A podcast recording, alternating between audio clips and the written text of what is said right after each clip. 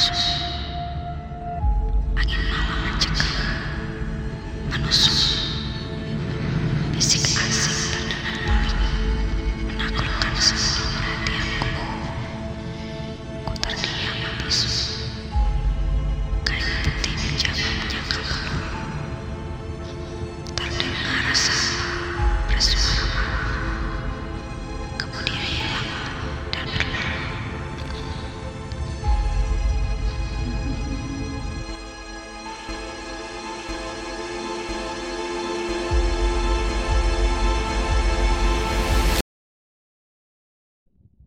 T13 The 13 Jumpa lagi dengan saya Erwin dalam episode yang kedua dari The 13 di malam ini 10 September 2020 The 13 akan selalu membahas topik seputar dunia supranatural, mistis, klinik, dan misteri yang tidak bisa dijelaskan dengan akal sehat ataupun oleh ilmu pengetahuan.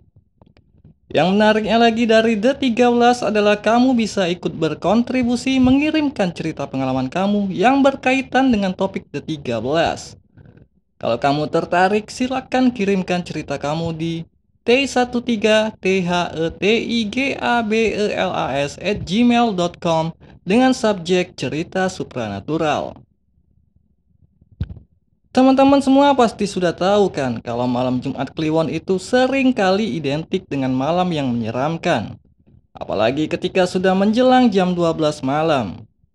Kalau kamu sekarang sedang berada di luar sendirian, awas hati-hati aja. Nanti ada yang lewat dan tiba-tiba ingin nemenin kamu. Biasanya sih mbak-mbak yang genit, periang, suka ketawa sendiri walau enggak lucu sekalipun. Dan om-om yang suka saja usil.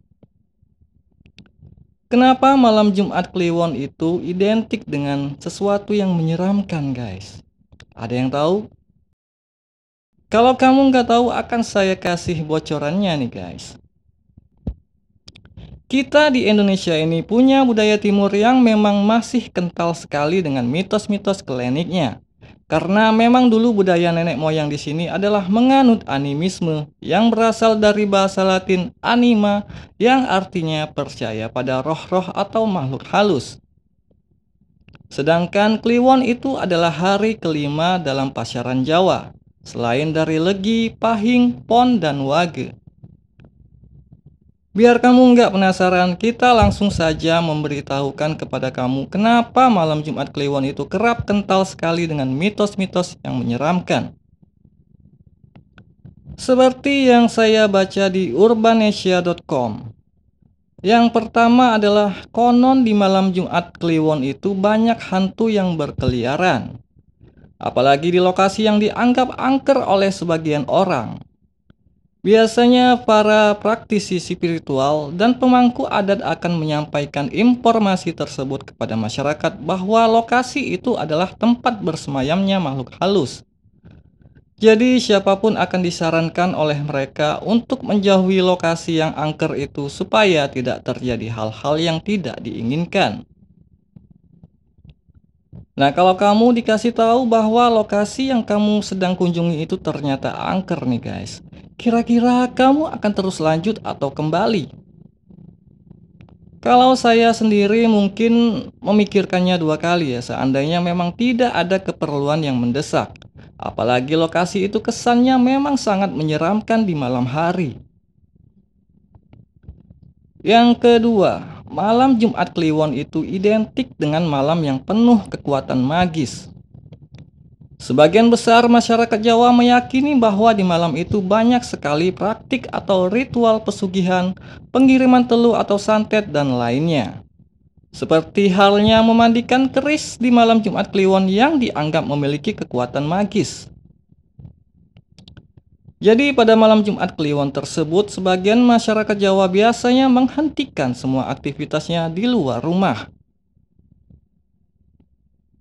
Kita lanjut yang ketiga. Sebagian orang percaya kalau arwah leluhur akan berkunjung ke rumah mereka pada malam Jumat Kliwon. Biasanya itu adalah arwah-arwah dari keluarga mereka seperti orang tua, kakek nenek, buyut, canggah, dan kerabat lain yang sudah meninggal sejak lama dan diberi kesempatan untuk pulang ke rumah pada malam Jumat Kliwon itu. Seperti masyarakat Jawa yang memiliki kebiasaan untuk penyambutan. Biasanya mereka memasang sandingan atau semacam sesaji berupa makanan favorit kerabatnya semasa hidup. Dan yang biasanya paling umum dijadikan sandingan sesaji tersebut adalah ikan bandeng atau secangkir kopi yang diletakkan di ruang tamu. Mereka percaya kalau arwah leluhur yang datang itu akan menikmati sesajinya dan merasa bahagia. Serem juga ya guys. Oke lanjut lagi aja ya guys Yang keempat adalah menjaga orang yang sudah meninggal di malam Jumat Kliwon selama 40 hari Masyarakat Jawa percaya bahwa orang yang meninggal saat malam Jumat Kliwon atau Selasa Kliwon maka kuburannya harus dijaga selama 40 hari agar jasadnya tidak dicuri oleh orang yang sedang atau ingin mengamalkan ilmu hitam. Mungkin karena dalam masyarakat Jawa juga umat muslim menganggap bahwa orang yang meninggal pada malam Jumat Kliwon itu dianggap baik mereka meyakini bahwa orang yang meninggal di malam Jumat adalah salah satu tanda dari husnul khotimah. Mitos malam Jumat yang angker itu juga ada pada masa penjajahan Belanda, guys. Indonesia diberikan kepercayaan mistis secara sengaja maupun tidak sengaja. Kepercayaan akan malam Jumat yang angker pada masa penjajahan Belanda dibawa oleh mereka dari budaya urban yang ada di Eropa yaitu adanya kesialan atau hal buruk yang terjadi pada hari Jumat tanggal 13 atau Friday the 13. Tidak hanya di Indonesia, hari Jumat juga merupakan hari yang sering dianggap angker di barat atau di Eropa. Dilansir dari laman IDN Times, menurut data yang dihimpun oleh Life Science, hari Jumat tanggal 13 telah meninggalkan banyak luka dan kesialan di negara-negara Eropa, Misalkan pada 13 September 1940, tepatnya pada masa Hitler, Nazi berhasil meledakkan 5 bom di Buckingham Palace. Kemudian pada 13 Januari 1989, virus bernama Friday the 13 masuk dalam sisi komputer IBM Inggris yang menghapus seluruh data di kantor-kantor besar. Hal tersebut menyebabkan kepanikan massal. Sembilan bulan kemudian, saham The Dow Jones Industrial Average mengalami penurunan sampai 190,58 poin. Sejak saat itu, saham mereka tidak pernah naik secara signifikan. Kemudian pada September 2013, film Friday the 13 dijadwalkan tayang di berbagai bioskop. Masalah dan kerugian yang terjadi selama hari-hari tersebut tidaklah disengaja. Namun ini juga yang membuat masyarakat bersikeras percaya kalau 13 itu adalah angka sial. Tidak ketinggalan juga di dunia industri perfilman Indonesia. Film-film seperti Malam Jumat Kliwon pada 1986 silam yang dibintangi aktris horor legendaris Susana pun menjadi hal yang membuat kepercayaan angkernya Malam Jumat Kliwon itu semakin tinggi. Masyarakat Indonesia yang menyaksikan film tersebut pun ikut terpengaruh dan percaya akan adanya hal mistis pada malam Jumat Kliwon. Selain dari industri film, mitos malam Jumat Kliwon juga merambah di industri musik Indonesia.